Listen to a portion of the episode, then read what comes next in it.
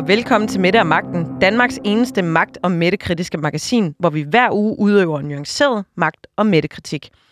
I dag har vi informationschefredaktør Rune Lykkeberg i studiet.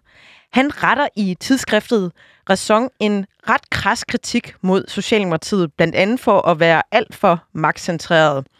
Det og meget mere, det kommer han herind i studiet og uddyber lige om lidt. Og så skal vi lave en dramaturgisk analyse af de mange pressemøder, vi efterhånden har været vidne til. Til det får vi hjælp af teaterchef på Sangenbergs Teater, Thea Kulavi. Velkommen til ugens udgave af Mette og Magten. Jeg hedder Anne Kirstine Kramon.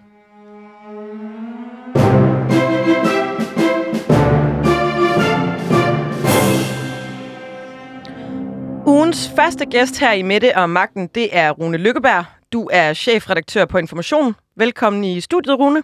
Uh, tusind tak for, at jeg måtte komme. Selvfølgelig, og vi må heller lige disclaime uh, i forhold til habilitetsspørgsmål, at vi to har den samme frisør.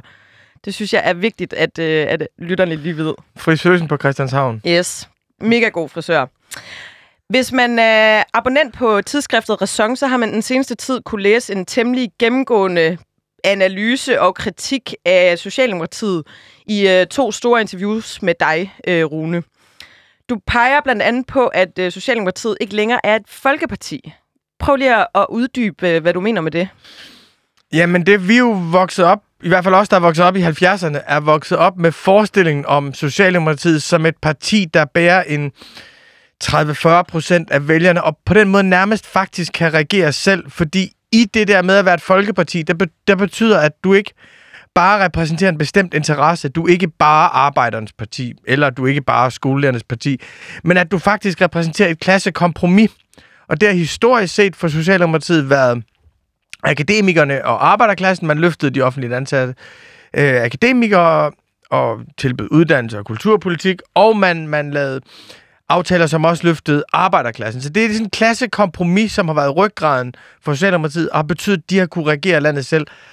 Og helt banalt, så mange stemmer har de slet ikke i dag. De har en fjerdedel af, af stemmerne, og det betyder også, at de ikke kan regere Danmark selv, og de skal lave alliancer, og de skal regere sammen med andre.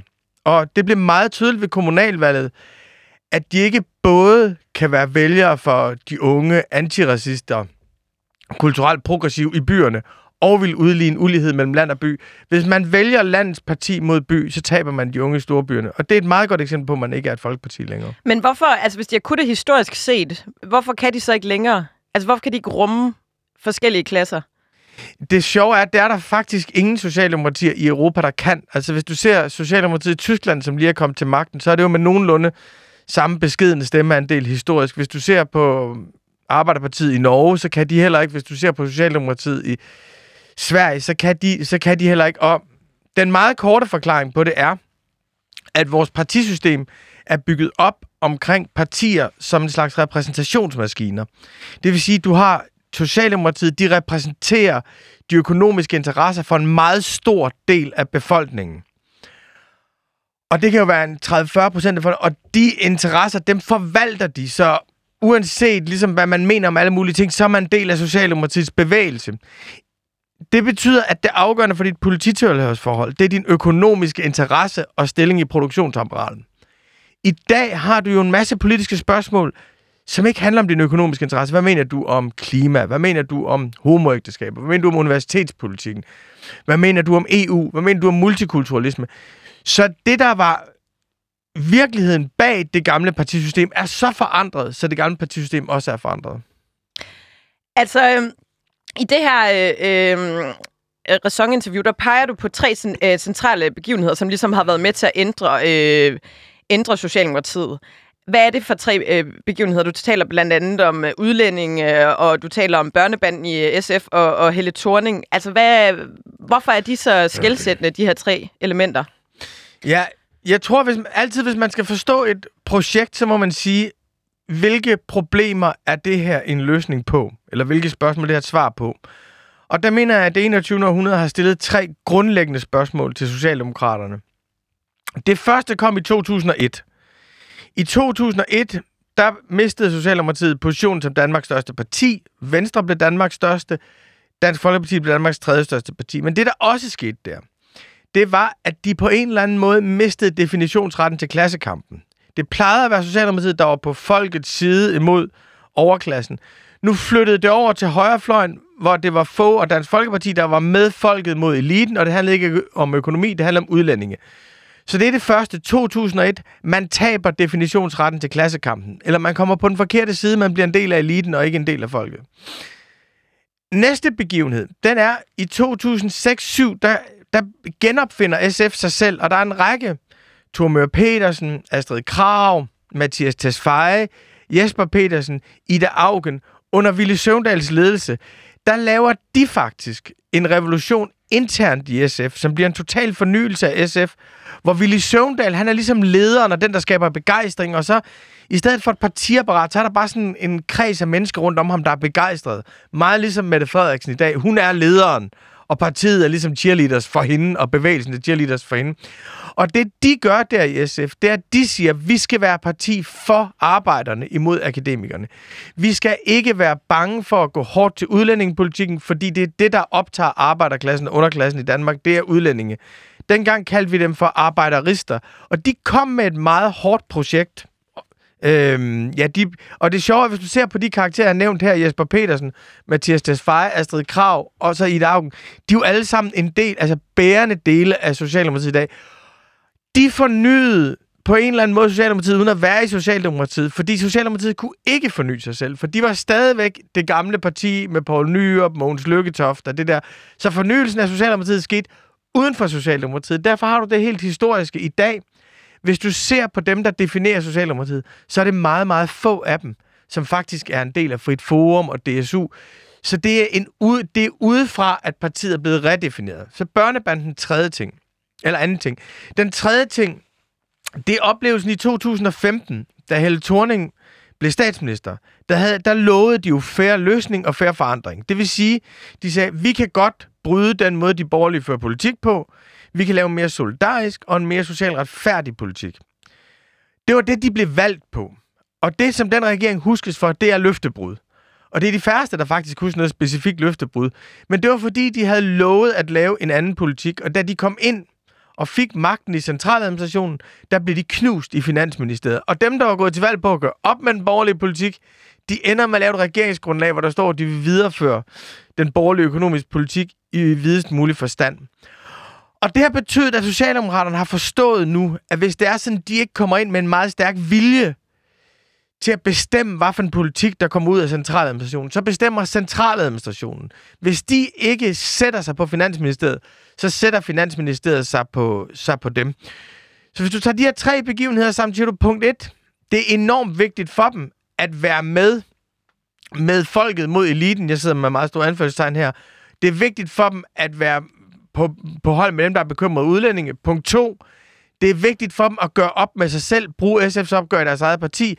Punkt tre, De skal politisere hele centraladministrationen, ellers tager centraladministrationen politikken fra dem. Og det, de, det er, meget, det er ligesom fundamentet for det der Mette Frederiksens projekt i dag. Jeg kunne godt tænke mig at dvæle en lille smule med det der, du siger med det elitære versus arbejderen. Altså, fordi der er vel også et eller andet problematisk i, at der jo faktisk ikke er nogen øh, repræsenteret mm. rigtigt af de der arbejder. Altså, vi har måske en Henrik Dam Christensen, som er gammel landpost i Vorbasse, men det er vel også mere eller mindre det. Det er jo akademikere, vi har siddende. Altså, Mette Frederiksen har en uddannelse, hun har læst Afrikastudier, øh, hvis, og, og har ja, en bachelor i det. Øh, men, men der er jo, øh, altså, er det ikke også problematisk? Er det ikke også der udfordringen ligger, at man faktisk ikke er det, man gerne vil repræsentere? Jo, altså det, det har du ret i. Altså grundlæggende har du ret i, at Folketinget burde være sammensat, så det afspejlede befolkningssammensætningen. Og der er mange flere med lang videregående uddannelse i Folketinget, end der er i befolkningen. Og der bliver vedtaget meget lovgivning, der favoriserer folk med lang videregående uddannelse, og det skaber en skævhed. Det har du ret i. Når det er sagt, så du har ret i, at der er det grundlæggende problem. Når det er sagt, så vil jeg sige, at progressiv politik har udviklet sig gennem årtier, fordi der var nogen, som var stærke, der talte for nogen, der var svage. Altså, øh, Olof Palme var jo en kæmpe arbejderklassehelt. Han var vokset op i overklassen. Og det er jo tit sådan, at nogen, der er stærke, stiller sig op for de svage, taler deres sag, og det er med til at gøre dem, dem stærkere. Så jeg synes ikke, det er et problem, at du har en akademiker, der stiller sig op og tale for arbejderklassen. Men jeg synes, det er et problem, at arbejderklassen er underrepræsenteret og akademikerne er overrepræsenteret. Jeg tænker, jamen, jeg tænker jo bare, det handler jo også om repræsentation. Altså ligesom alt muligt andet. Altså når vi går hen og, og stemmer på en politiker, så er det jo også fordi, vi ser et eller andet i den politiker, som vi kan genkende os selv i. Altså, så ja, det er jo egentlig bare øh, en observation lige. Øhm, du, du taler lidt om... Øh, øh at tidligere socialdemokratiske regeringer ligesom har taget uddannelse og dannelse og kulturens side, men at den regering, vi har nu, øh, udelukkende fokuserer på, på, øh, på, på klassekamp. Hvorfor? Jamen, det er en sjov historie, fordi da, hvis man ser på velfærdsstatens moderne dannelse i det 20. århundrede, så var det en bærende tanke hos Socialdemokraterne. Erik Ip Schmidt, Viggo Kampmann, Jens Otto Krav, Julius Bumholdt osv. Det var en bærende tanke, at velfærdsstaten skulle have to søjler. Den ene handlede om økonomi. Vi skulle sikre øhm, vi skulle omfordele, sikre økonomisk lighed, vi skulle sikre sociale rettigheder, vi skulle sikre lige adgang til offentlige institutioner, lighed i sundhed og lighed i uddannelse osv. Altså et lighedsøkonomisk projekt, men økonomi er meget bredt forstået. Men den anden del af projektet, den handlede om, at vi skal uddanne borgerne til at blive demokratiske borgere. For borgerne skal uddannes til deltagelse i demokrati, fordi hvis demokrati bare betyder, at man stemmer en gang hver fjerde år, så er det i virkeligheden bare et velstandstyranni. Demokrati betyder, at du deltager, og deltagelse er noget, du skal uddannes til. Derfor får du klassens time i, uh, i, i folkeskolen, og du får i 75 en folkeskole. Altså fordi du mener, at, du, at det er sådan en mini-demokrati, man skaber i en klasse, når man Præcis. har... Præcis. Ja, ja. Altså i klassens time, og det er komisk for os, der har oplevet klassens time, men tanken var, at klassens time, der er, klassen er et lille samfund. Og hvis man skal for eksempel skal bestemme, være med til at bestemme, skal vi på telttur eller skal vi på kanotur? Skal vi have kagekasse eller frugtkasse? Så lærer eleverne at forholde sig til det fælles. Så klassens timer var vigtigt. Der står også i reformen fra 75, at hele skolens virke skal være præget af demokrati. Og det betyder, at læreren ikke må være autoritær. Læreren skal åbne op for kritiske spørgsmål. Eleverne skal lære at udfordre autoriteten. Så skolen bliver det sted, hvor samfundsdemokrati skal udvikles og derefter udbredes. Tredje ting, som er vigtigt, det er kulturpolitikken.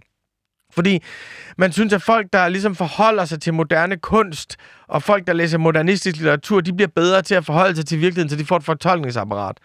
Det er meget smukke tanker, og jeg havde helt sikkert klappet hele vejen af dem dengang, for jeg synes også, det er rigtigt. Jeg synes, det er rigtigt, at folk skal have folk skal gøres klar til at kunne være med til at bestemme, ellers bliver de pisset på at bestemme hvor.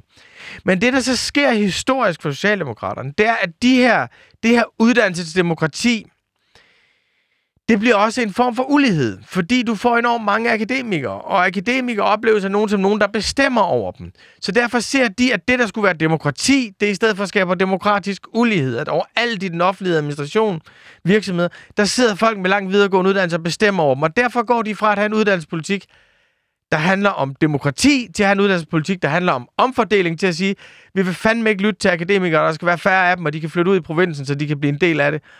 Og det er på den ene side logisk, synes jeg, at de må sige, okay, velfærdsstaten, der handlede om lighed, producerede sin egen form for ulighed. Det er på den anden side en katastrofe, fordi uddannelse er ikke bare kapital, du giver til folk. Det er også at bestemme, hvordan vi skal tænke i fællesskab. Fedt. Altså, du, du snakker om sådan tre former for ulighed. Altså, øhm, øh, blandt andet geografisk ulighed ja. også, som er en del af, af dit, øh, din, din kritik op øh, også, også. Den kunne jeg godt lige tænke mig også lige at gå lidt ind i. Altså, hvad er, hvad er geografisk ulighed? Ja, grundlæggende vil jeg sige, det der præger den her regering, det er, at de har et projekt. Der er faktisk noget, den her regering vil. Og hvis du sammenligner med Poul Nyrup Rasmussens regering, Helle Thornings regering, så havde de ikke et projekt på samme måde. Men den her regering, Mathias Tesfaye, Pernille rosenkrantz teil Mette Frederiksen, Peter Hummelgaard, de taler det samme sprog. Der er noget, de vil. Og det, de vil, det er, at de vil udligne ulighed. Men ulighed handler ikke bare om penge i dag. Det handler også om penge. Men ulighed handler om penge, uddannelse og geografi. Og der er du ret i, at jeg taler om, hvordan man omfordeler geografisk ulighed. Det er sådan, at hvis du bor i for eksempel Nordjylland uden for Aalborg, så har du en lavere middellevetid, du har længere til læge, du har længere til offentlige services, du er på alle mulige måder. Den offentlige transport er dårligere, du er på alle mulige måder dårligere stillet, end hvis du bor i København, hvor der fandme er en læge hver gang, du drejer rundt om et hjørne, og du kan vælge mellem bus, S-tog og, og, og, og metro. Så du er på alle mulige måder favoriseret her, herinde. Ikke? Så vores samfund med højere uddannelse, højere velstand, masse øh, økonomisk værdivækst omkring, øh, omkring byerne, de skaber en ulighed mellem centrum og periferi. Og hvis du ser på valget i 2015, så var det et udkantsvalget. Folk i, i periferien vil ikke reagere sig dem i centrum. Der er så mange problematikker, klima, udlænding osv., hvor du kan se, det er centrum mod periferi. Så det er rigtigt. Der er en ulighed i vores samfund, som folk i hovedstaden ofte er blinde for, fordi de synes, det er helt naturligt, men som man oplever meget, meget intens. Du har også familie i Jylland, og du har også oplevet garanteret, at de har klaget over, at københavnerne havde alle ressourcerne, og og, og så det... En... Jamen, jeg, jeg ved ikke, jeg synes på en eller anden måde, det er sådan en lidt mærkelig øh, strømmand nogle gange, det der, fordi at, at jeg, jeg, øh, de spekulerer sgu ikke særlig meget på os i København, eller synes, øh, altså for dem er det jo deres liv, de lever, og med, med de ressourcer, de har, eller sådan, jeg tror, de synes, vi er mærkelige, og ikke lige, lige så mærkelige som... Ja, altså, så, så jeg tror også, at det er sådan en... Øh, Øh, det ved jeg ikke, at det er ligesom, det er, der er jo alle mulige soci- øh, socioøkonomiske faktorer, der gør, at en mand fra Nordjylland øh, lever kortere end en mand fra København. Altså, der er jo alle mulige ting i spil, udover det sådan geografiske, ikke? Præcis, og det er derfor, det er enormt svært jo. Fordi så siger man, hvis vi kan se, at, at livsforholdene generelt er bedre i København, end de er i nogle af provinsområderne, ikke? Hvis vi siger, så, så må vi sige, at vi har en ulighed her.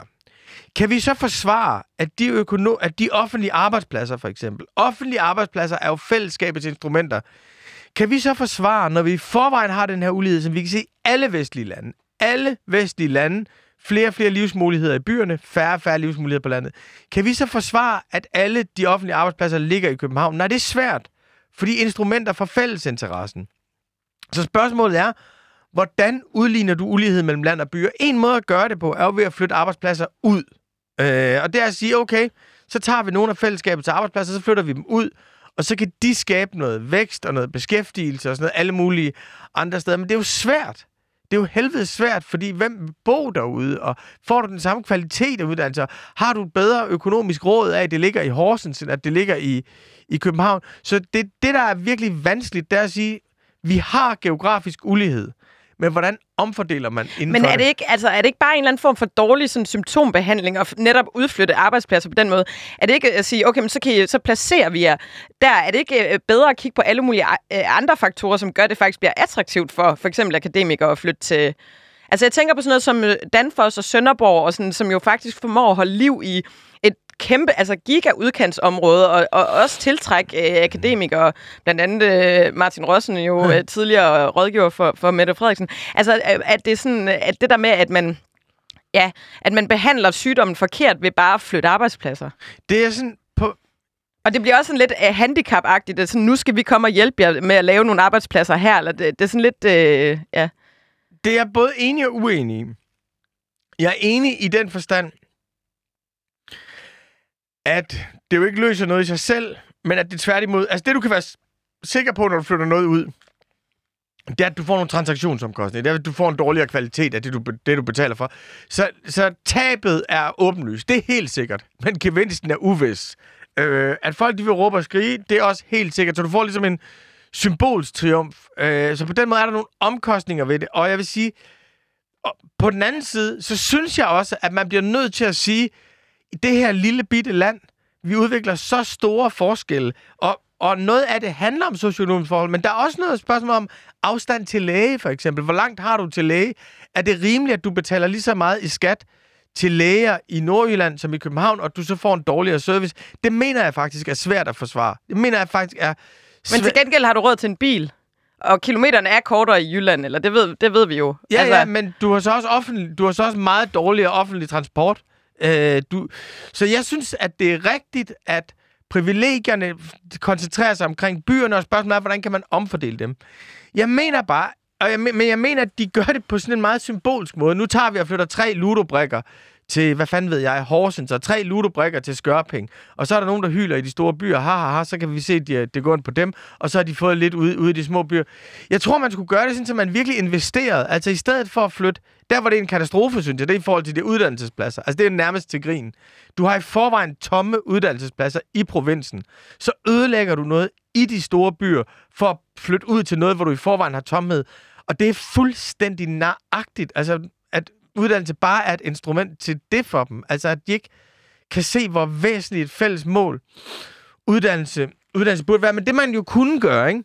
det var, men jeg synes jo godt, man kunne tage og investere voldsomt i nogle steder. Ligesom du har, for eksempel i Sverige, der har du Lund. Lund er jo en lille by, men der er et universitet, og der har du faktisk skabt et miljø omkring Lund.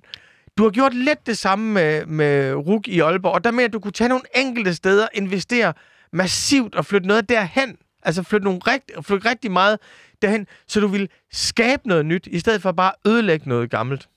I stedet for at lave, øh, jeg kommer bare lige til at tænke på, at det er jo nærmest sådan samfundets øh, kvindekvoter i forhold til bestyrelser, det der man laver, at man laver, øh, altså man påtvinger på en eller anden måde. Og, og jeg tænker også, at der er jo også meget lidt tiltro til sådan civilsamfundet, eller øh, hvad, hvad det ligesom kan, øh, hvordan et samfund kan opretholde sig selv øh, i, i de der tanker.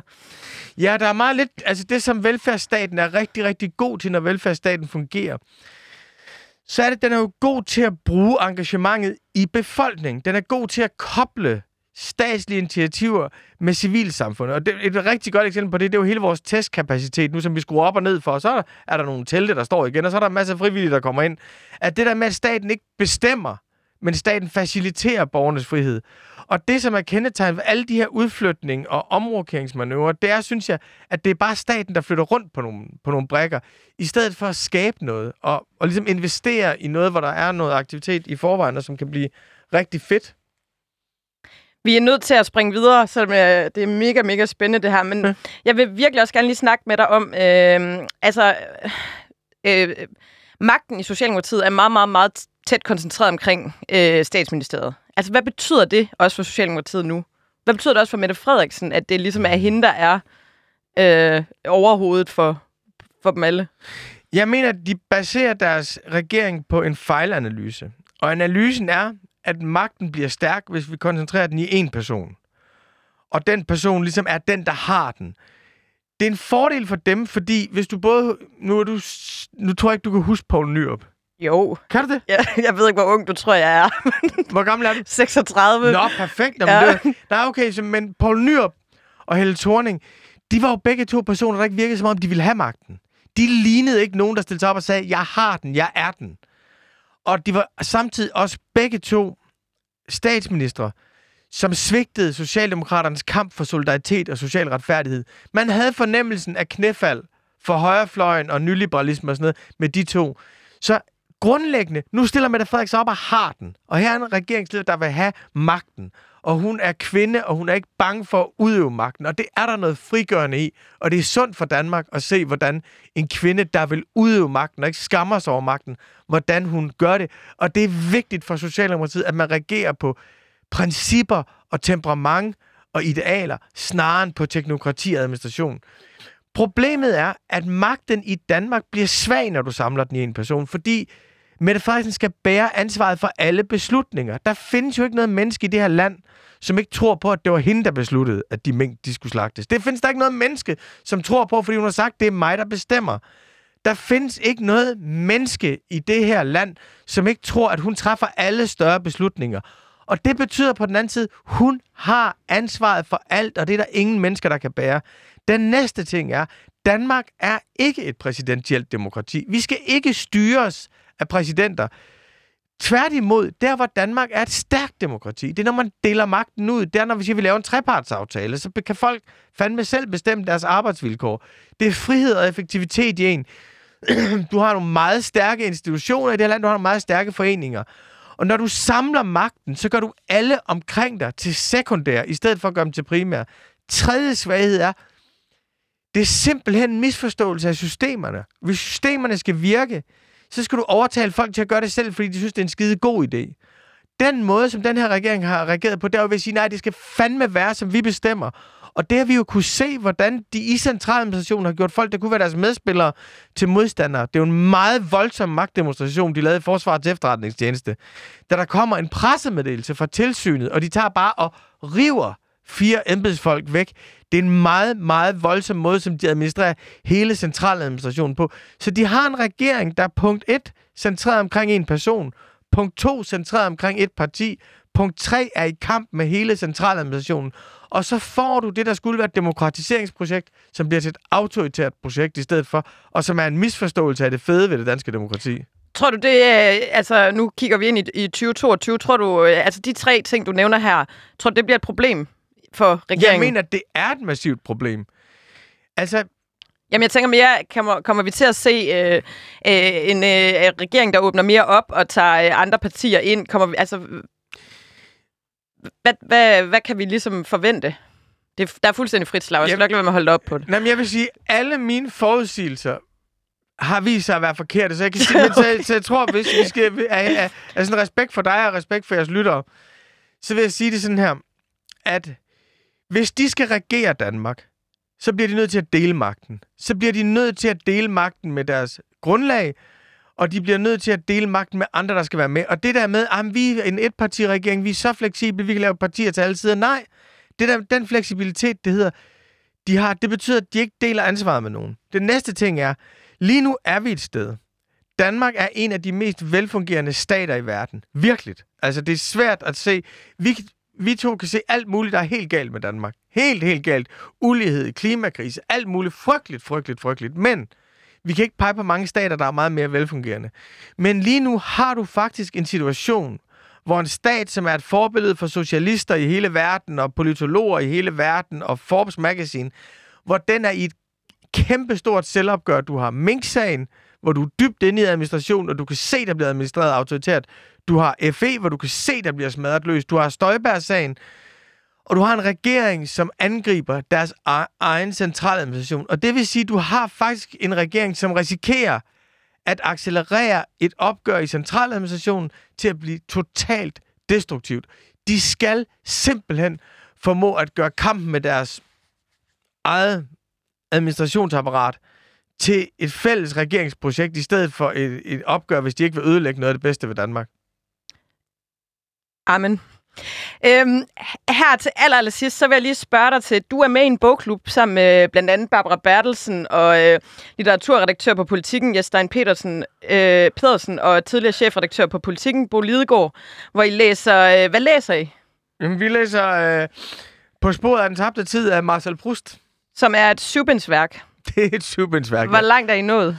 Jamen, der er sket det, at altså, bogklubben blev skabt for, jeg kan faktisk ikke huske det, for en 3-4 år siden, vil jeg sige. Men vi har jo haft afsindigt travlt. Alle, de fleste af os har haft afsindigt travlt de sidste to år, så vi har vel haft, jeg tror, tre møder i den bogklub på de sidste to år, så vi er gået i stå omkring et eller andet sted dybt inde i Bind 6, er vi, øh, er vi, øh, er vi desværre gået i stå. Og så er det vigtigt, det er vigtigt for mig at understrege følgende.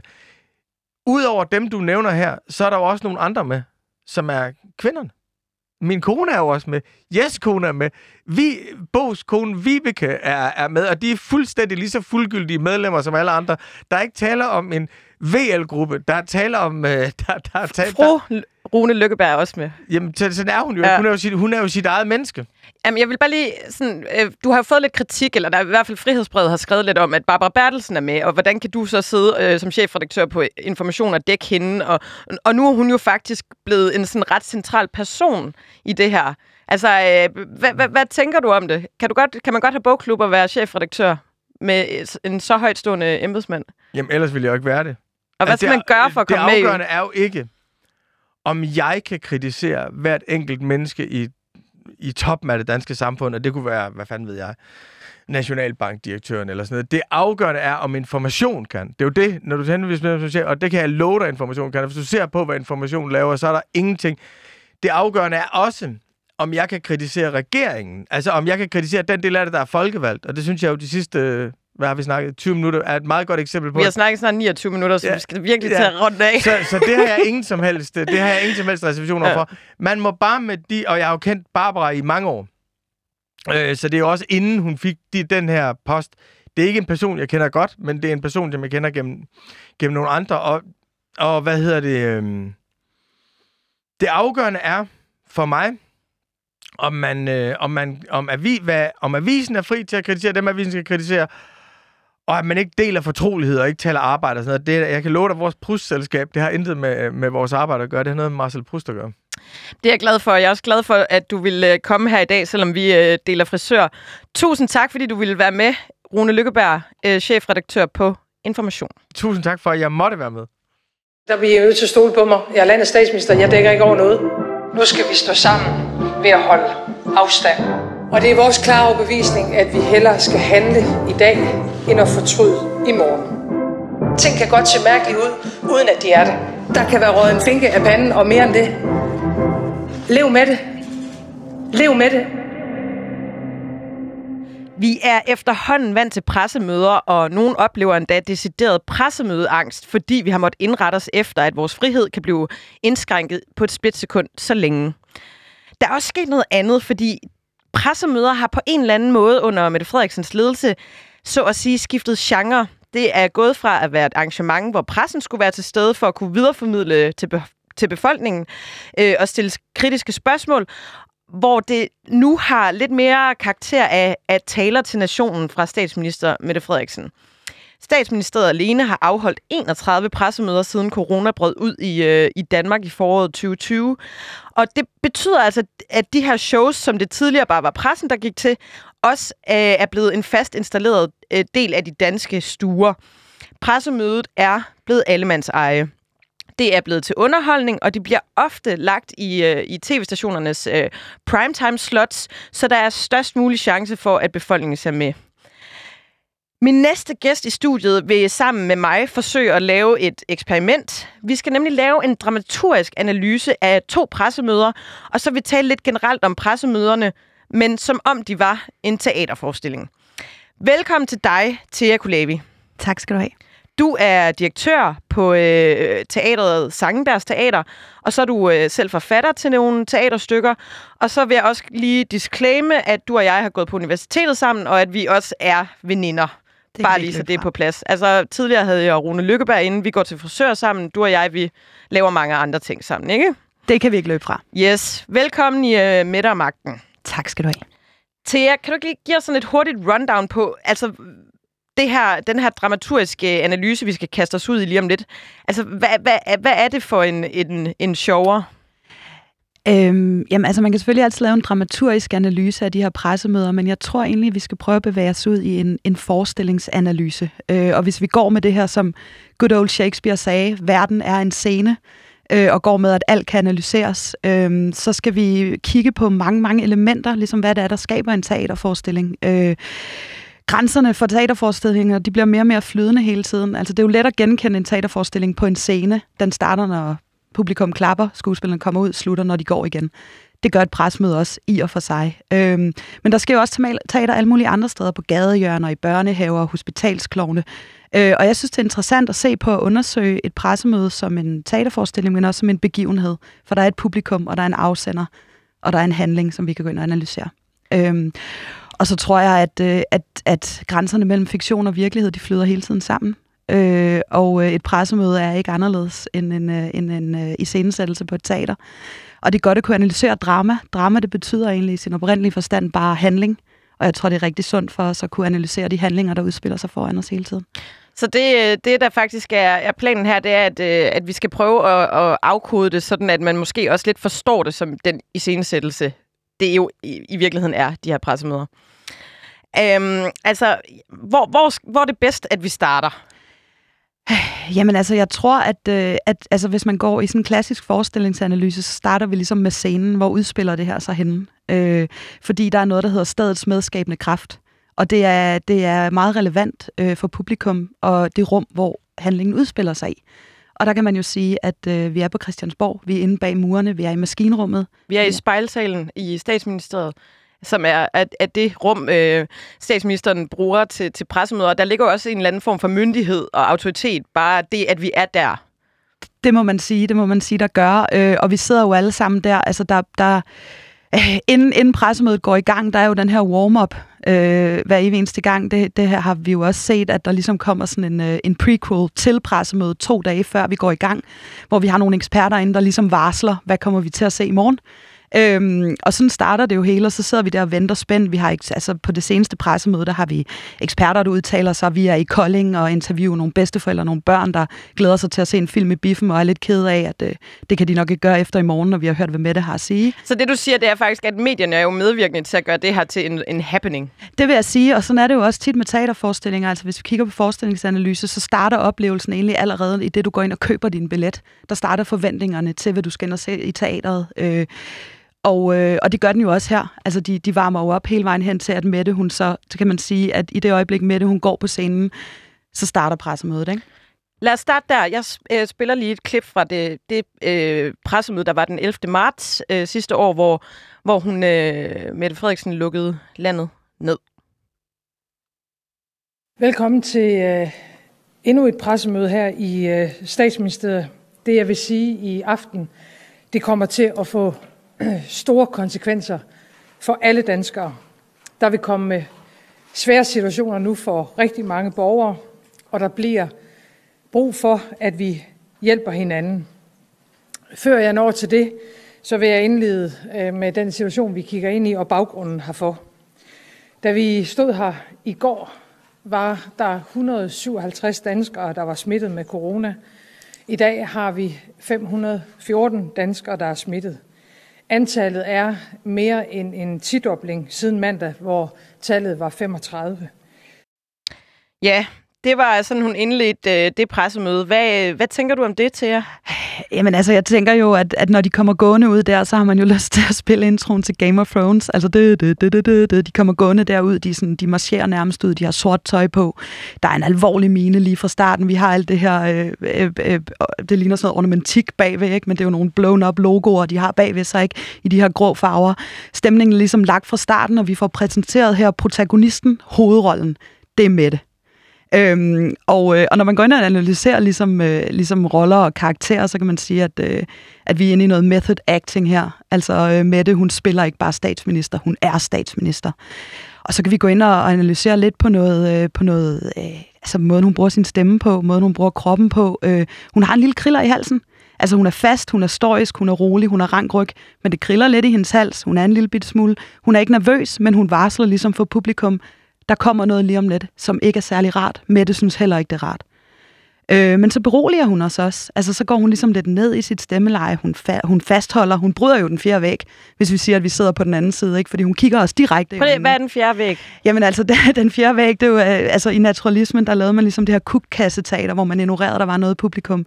Altså fjernsyn før fjernsyn, ikke? Hvor vi sidder og, og øh, øh, altså du kan, ikke, du kan ikke se det publikum, der er ude i salen, men den bryder hun jo her. For hun kigger os direkte ind i øjnene, ikke? Så det bliver meget personligt, det bliver meget nærværende.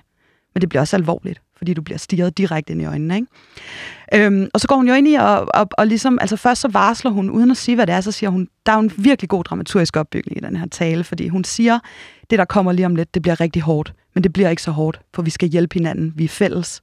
Så forklarer hun igen, hvor hårdt det bliver, og så går hun ind i de her smittetal. Lad os lige prøve at, at høre lidt af, af den forklaring. Vi skal stå sammen, og vi skal passe på hinanden, men vi skal gøre det på en anden måde, end vi plejer. Vi plejer som danskere at søge fællesskabet ved at være tæt med hinanden. Nu skal vi stå sammen ved at holde afstand til hinanden. Og vi får brug for samfundssind. Vi får brug for hjælpsomhed. Jeg vil gerne sige tak til alle borgere, virksomheder, frivillige organisationer, arrangører, alle, der indtil nu har vist, at det er præcis det, vi har i Danmark, samfundssind. Ja, altså hun får jo introduceret i hvert fald nogle nøglebegreber her, øh, både øh, at stå sammen på afstand og også øh, samfundssind, noget som vi er, er blevet tudet ørerne fulde af siden. Ja, altså hun bruger, hun bruger jo en, altså en kæmpe patos til publikum her, ikke? og taler lige direkte ind i vores, i vores maver og hjerter. Og så det, hun gør, det er jo det første gang, hun nærmer sig den her catchphrase, vil jeg kalde det. Altså hvis hun var en, en tegne, tegneseriefigur, der havde sit eget show, så ville hun have den her catchphrase, der var sammen hver for sig. Det er det tætteste, hun kommer på den, uden at gøre det. Og jeg tror, det kun er et par dage efter, at hun begynder at føre den her catchphrase frem sammen hver for sig. Ikke? Øhm, og så siger hun også det der, altså øh, hun har sådan nogle sådan nogle replikker, man, man ikke glemmer sådan noget. Hellere handle i dag, end fortryde i morgen. Øh. Noget, som virkelig øh, signalerer myndighed, så at sige. Det, det må man sige, og så gør hun også meget det der, altså hun, hun laver nogle stop, men så bruger hun sit, der er ikke særlig meget kropssprog og mimik, men det der er, det, det er meget, meget sigende. Hun tager en dyb vejrtrækning, og så ranker hun lige ryggen, inden hun skal sige det næste, som er hårdt. Ikke? Øh, hun er i total kontrol, og så viser det også det der med, hun tager, altså jeg får et, som publikum sidder jeg tænker, hun tager det her på sine skuldre, fordi hun hele tiden lige tager skuldrene op. Ja, ja. Vi har jo også nogle biroller. Øhm, lad os lige høre, hvordan hun præsenterer en af de vigtige biroller i hvert fald. Selvfølgelig også ordet videre til dig, Søren Brostrøm fra Sundhedsstyrelsen. Tak. Der er ingen tvivl om, det er en meget alvorlig situation øh, med covid-udbruddet. Ikke kun i Danmark, men i hele verden. Øh, det er blot to måneder siden, at vi fik navn på den nye virus, som var årsagen til udbruddet i Kina. Øh, og nu står vi så her med en meget, meget hurtigt stigende antal smittede i Danmark. Ja, det var Søren Brostrøm, der blev præsenteret her. Det er det. Altså, Mette, hun er, hun er lige blevet... Altså, Mette har lige haft den her lange, lange øh, monolog om øh, samfundssind og fællesskab. Og lige efter det, der kommer der øh, en masse grafer, der viser, hvor alvorligt det egentlig står til. Så, så, så altså nogle artefakter, man har med på scenen? Det er jo rekvisitter, som, som kommer ind for at tydeliggøre øh, det Mette lige. Mette siger det på en blød måde, og så kommer de hårde facts bagefter via grafer. Og de har slået Mette lidt ud. Altså jeg kan fornemme her, at der kommer, der kommer lidt nogle sprækker i karakteren, altså fordi hun har lige stået og set alle de her, øh, de her grafer og tænker, shit, okay, der var reality in your face. Og så skal hun så præsentere Søren. Og man kan sige, at Søren han er en birolle, men han er en birolle, som er en fortrolig ven, og han er en hjælper til Mette. Fordi nu skal vi have en... Øh, nu skal vi have en myndighed, der går ind og bakker det, bakker det op, hun lige har sagt. Ikke? Men det er med bæverne stemme, og Mette, hun vrider hænderne øh, så hun, hun ryger lidt ud af den her, vil jeg sige. Så der kommer lige en sprække ind. Øhm, jeg kan fortælle, at i Anne-Sophie Kraus, det første år, hvor, hvor øh, hun følger Mette, Mette Frederiksen igennem hendes første regeringsår her under corona, at stemningen bag scenen var ikke specielt god op til det her øh, pressemøde, og, og at Mette Frederiksen var nervøs for, hvad, hvad Søren Brostrøm ville sige, om, fordi de, der havde været uenighed om, om den her nedlukning. Plus at han så øh, ligesom, eller i modsætning til flere af de andre, ikke er typen, der har talepapir eller noget. Han taler bare ud fra sin egen viden, hvilket jo har gjort det sådan lidt, Åh, hvad kommer han til at sige nu? Øhm. Det ved man også fra teaterets verden. Altså det, det kan være blessing and a curse at være sammen med en anden skuespiller, som improviserer uden for manuskriptet, og det er jo lidt det, hun står og frygter, han vil gøre her. Men det var også spændende, hvis det havde været en toakter, så var det måske i starten af anden akt, vi fandt ud af, hvorfor Mette hun var så nervøs lige her. Og så lidt impro-teater indover, ikke? Der kommer lidt impro lige her, vil jeg sige. Ja. ja. øhm, og, det, og det er så det, der det vidste jeg ikke, men det er jo en baggrundsvide, jeg som publikum ikke har. Den har du. Og, øh, og så er det jo lige pludselig giver det jo mening, hvorfor hun er så bekymret. Øhm, ja. Søren Brostrøm, han, er, øh, han, han, han, han har den vildeste ansigt med mit lige fra starten. Den ændrer sig ikke. Hans, hans øjenbryn er helt nede. Han er meget, han kigger lige på os. Det er meget, meget alvorligt, det her. Og så bruger han kropssprog, men han bruger kun sine hænder. Så hver gang han, øh, han siger, øh, det her det er meget alvorligt, så, så laver han sådan, øh, hvad hedder det, et mål på, hvor alvorligt det er med sine hænder. Så han, ligesom når man har fanget en fisk, ja, lige præcis. siger, så, stor var ja, fisken. Ja, ja. ja. Fedt. Øhm, det der jo også er ved det her teaterstykke, det er, at der er jo øh, noget publikumsinteraktion, i hvert fald for de publikummer, der er til stede i, øh, i spejlsalen, altså journalisterne. Øhm, jeg har lige et eksempel på, hvordan den interaktion øh, løber af staben til det her pressemøde. Du har flere gange sagt, at der er en lidt barsk tone i de her øh, sms-tråd. Har du selv omtalt øh, minkbranchen som i, at det er noget øh, lort, der skulle lukkes? Og det var selvfølgelig et andet pressemøde, vi var til. Det var øh, øh, mink-pressemøde i starten af, af november måned. Øhm, men jeg har lige klippet, taget det her klip med, fordi jeg synes nemlig, at Mettes svar bliver lidt interessant. Hvis ikke vi havde haft de embedsmænd i centrale ministerier i Danmark, som vi har haft, så havde vi ikke klaret den her krise så godt, som vi har. Så ja, øh, der kan være råd en finke af panden, og mere end det. Lev med det.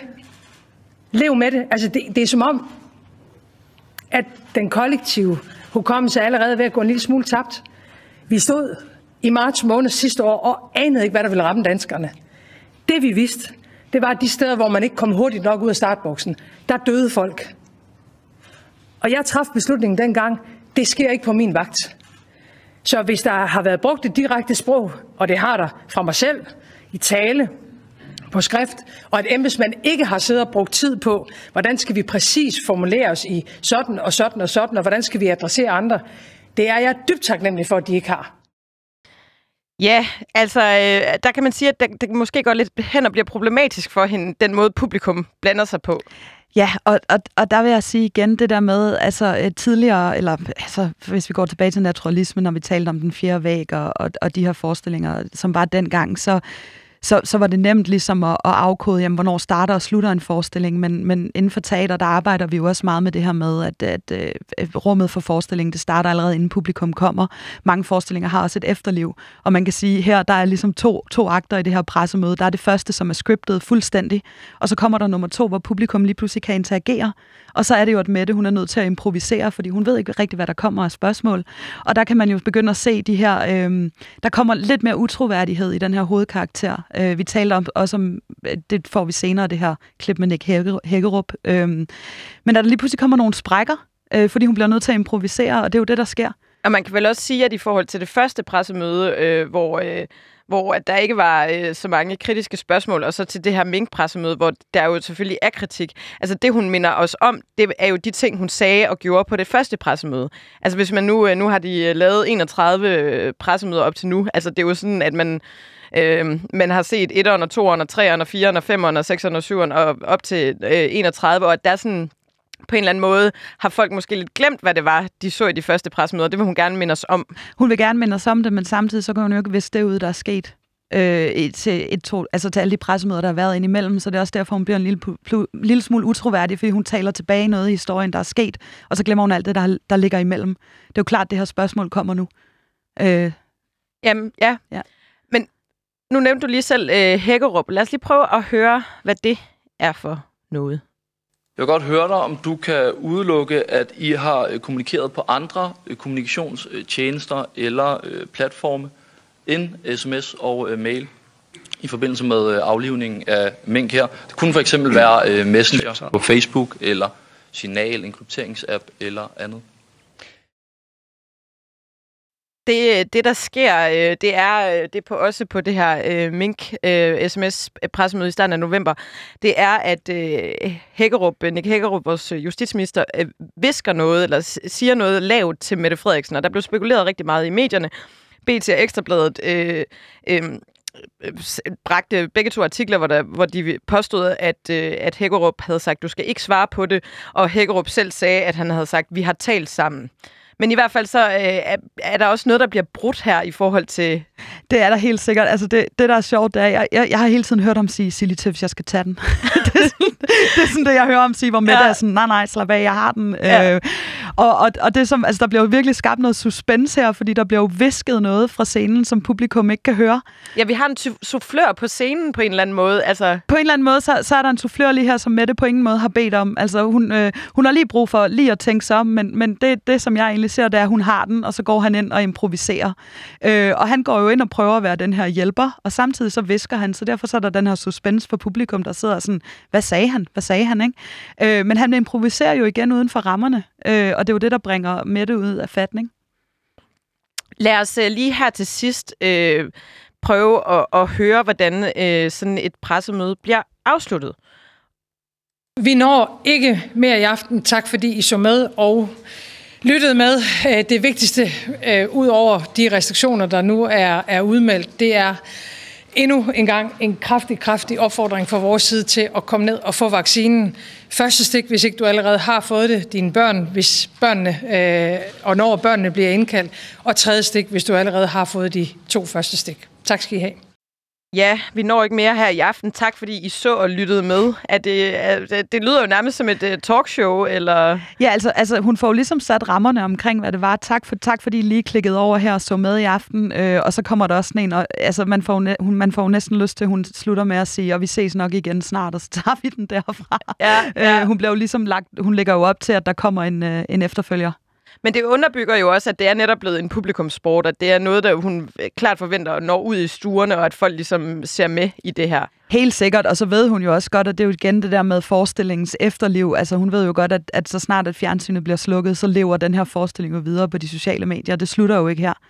Nej, så kommer der et opslag, og så... Så kommer der et opslag, ja. og så ruller det, og så skal vi lige måske samme aften have en uh, uh, behind the scenes med en lav hjemme i stuen eller et eller andet, ikke?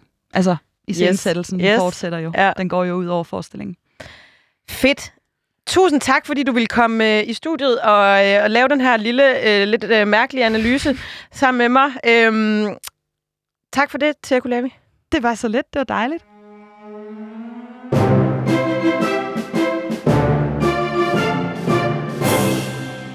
Og så skal vi jo til ugens Astrid Krav. Det er jo Mette og Magtens Pris, der hver uge uddeles til en socialdemokratisk politiker, der udviser særlig uselvstændig og tilsvarende partiloyal adfærd i løbet af ugen. I denne uge, der går den til Socialdemokratiets sundhedsordfører Rasmus Horn Langhoff. Og det gør den, fordi der i disse dage bliver rettet en meget, meget skarp kritik mod Socialdemokratiet for det faktum, at regeringen på ingen måde har selv været forberedt eller forberedt øh, sundhedssystemet på, at der kunne komme en ny mutation af coronavirus. Det er en situation, som selv en lægemand kunne have forudset. Øhm, og Rasmus Horn Langhoff, han, øh, han får prisen, fordi han adspurgte af Berlinske om, hvorfor hulen regeringen ikke har styrket sundhedsvæsenet, formår at give dette svar. Alene med de tre seneste økonomiaftaler, der er indgået med regionerne, er sundhedsvæsenet blevet løftet med i alt 4 milliarder. Det er mere, end hvad den seneste borgerlige regering tilførte. Vi har også lanceret en velfærdslov, der skal sikre, at pengene følger med, når der kommer flere opgaver i sundhedsvæsenet. Det står i skarp modsætning til det, den tidligere regering gennemførte. Og der vil jeg bare gerne lige sige, det er fint nok, makker, men altså, øh, da vi havde en borgerlig regering, der lå vi altså øh, heller ikke at rode med det her coronacirkus. Man må på en eller anden måde sige, at desperate times calls for desperate measures. Og det her scenarie kunne I godt have forberedt og øh, have forudset. Det begynder jo faktisk næsten at ligne, at de faktisk nyder total øh, kaos og apati blandt danskerne. Så tillykke med at forsvare det. Du er ugens altså krav, Rasmus Horn Langhoff. Tusind tak, fordi du lyttede til Mette og Magten. Ude i teknikken, der sad Mathias Damborg, og jeg hedder Anne Kirstine Kramon.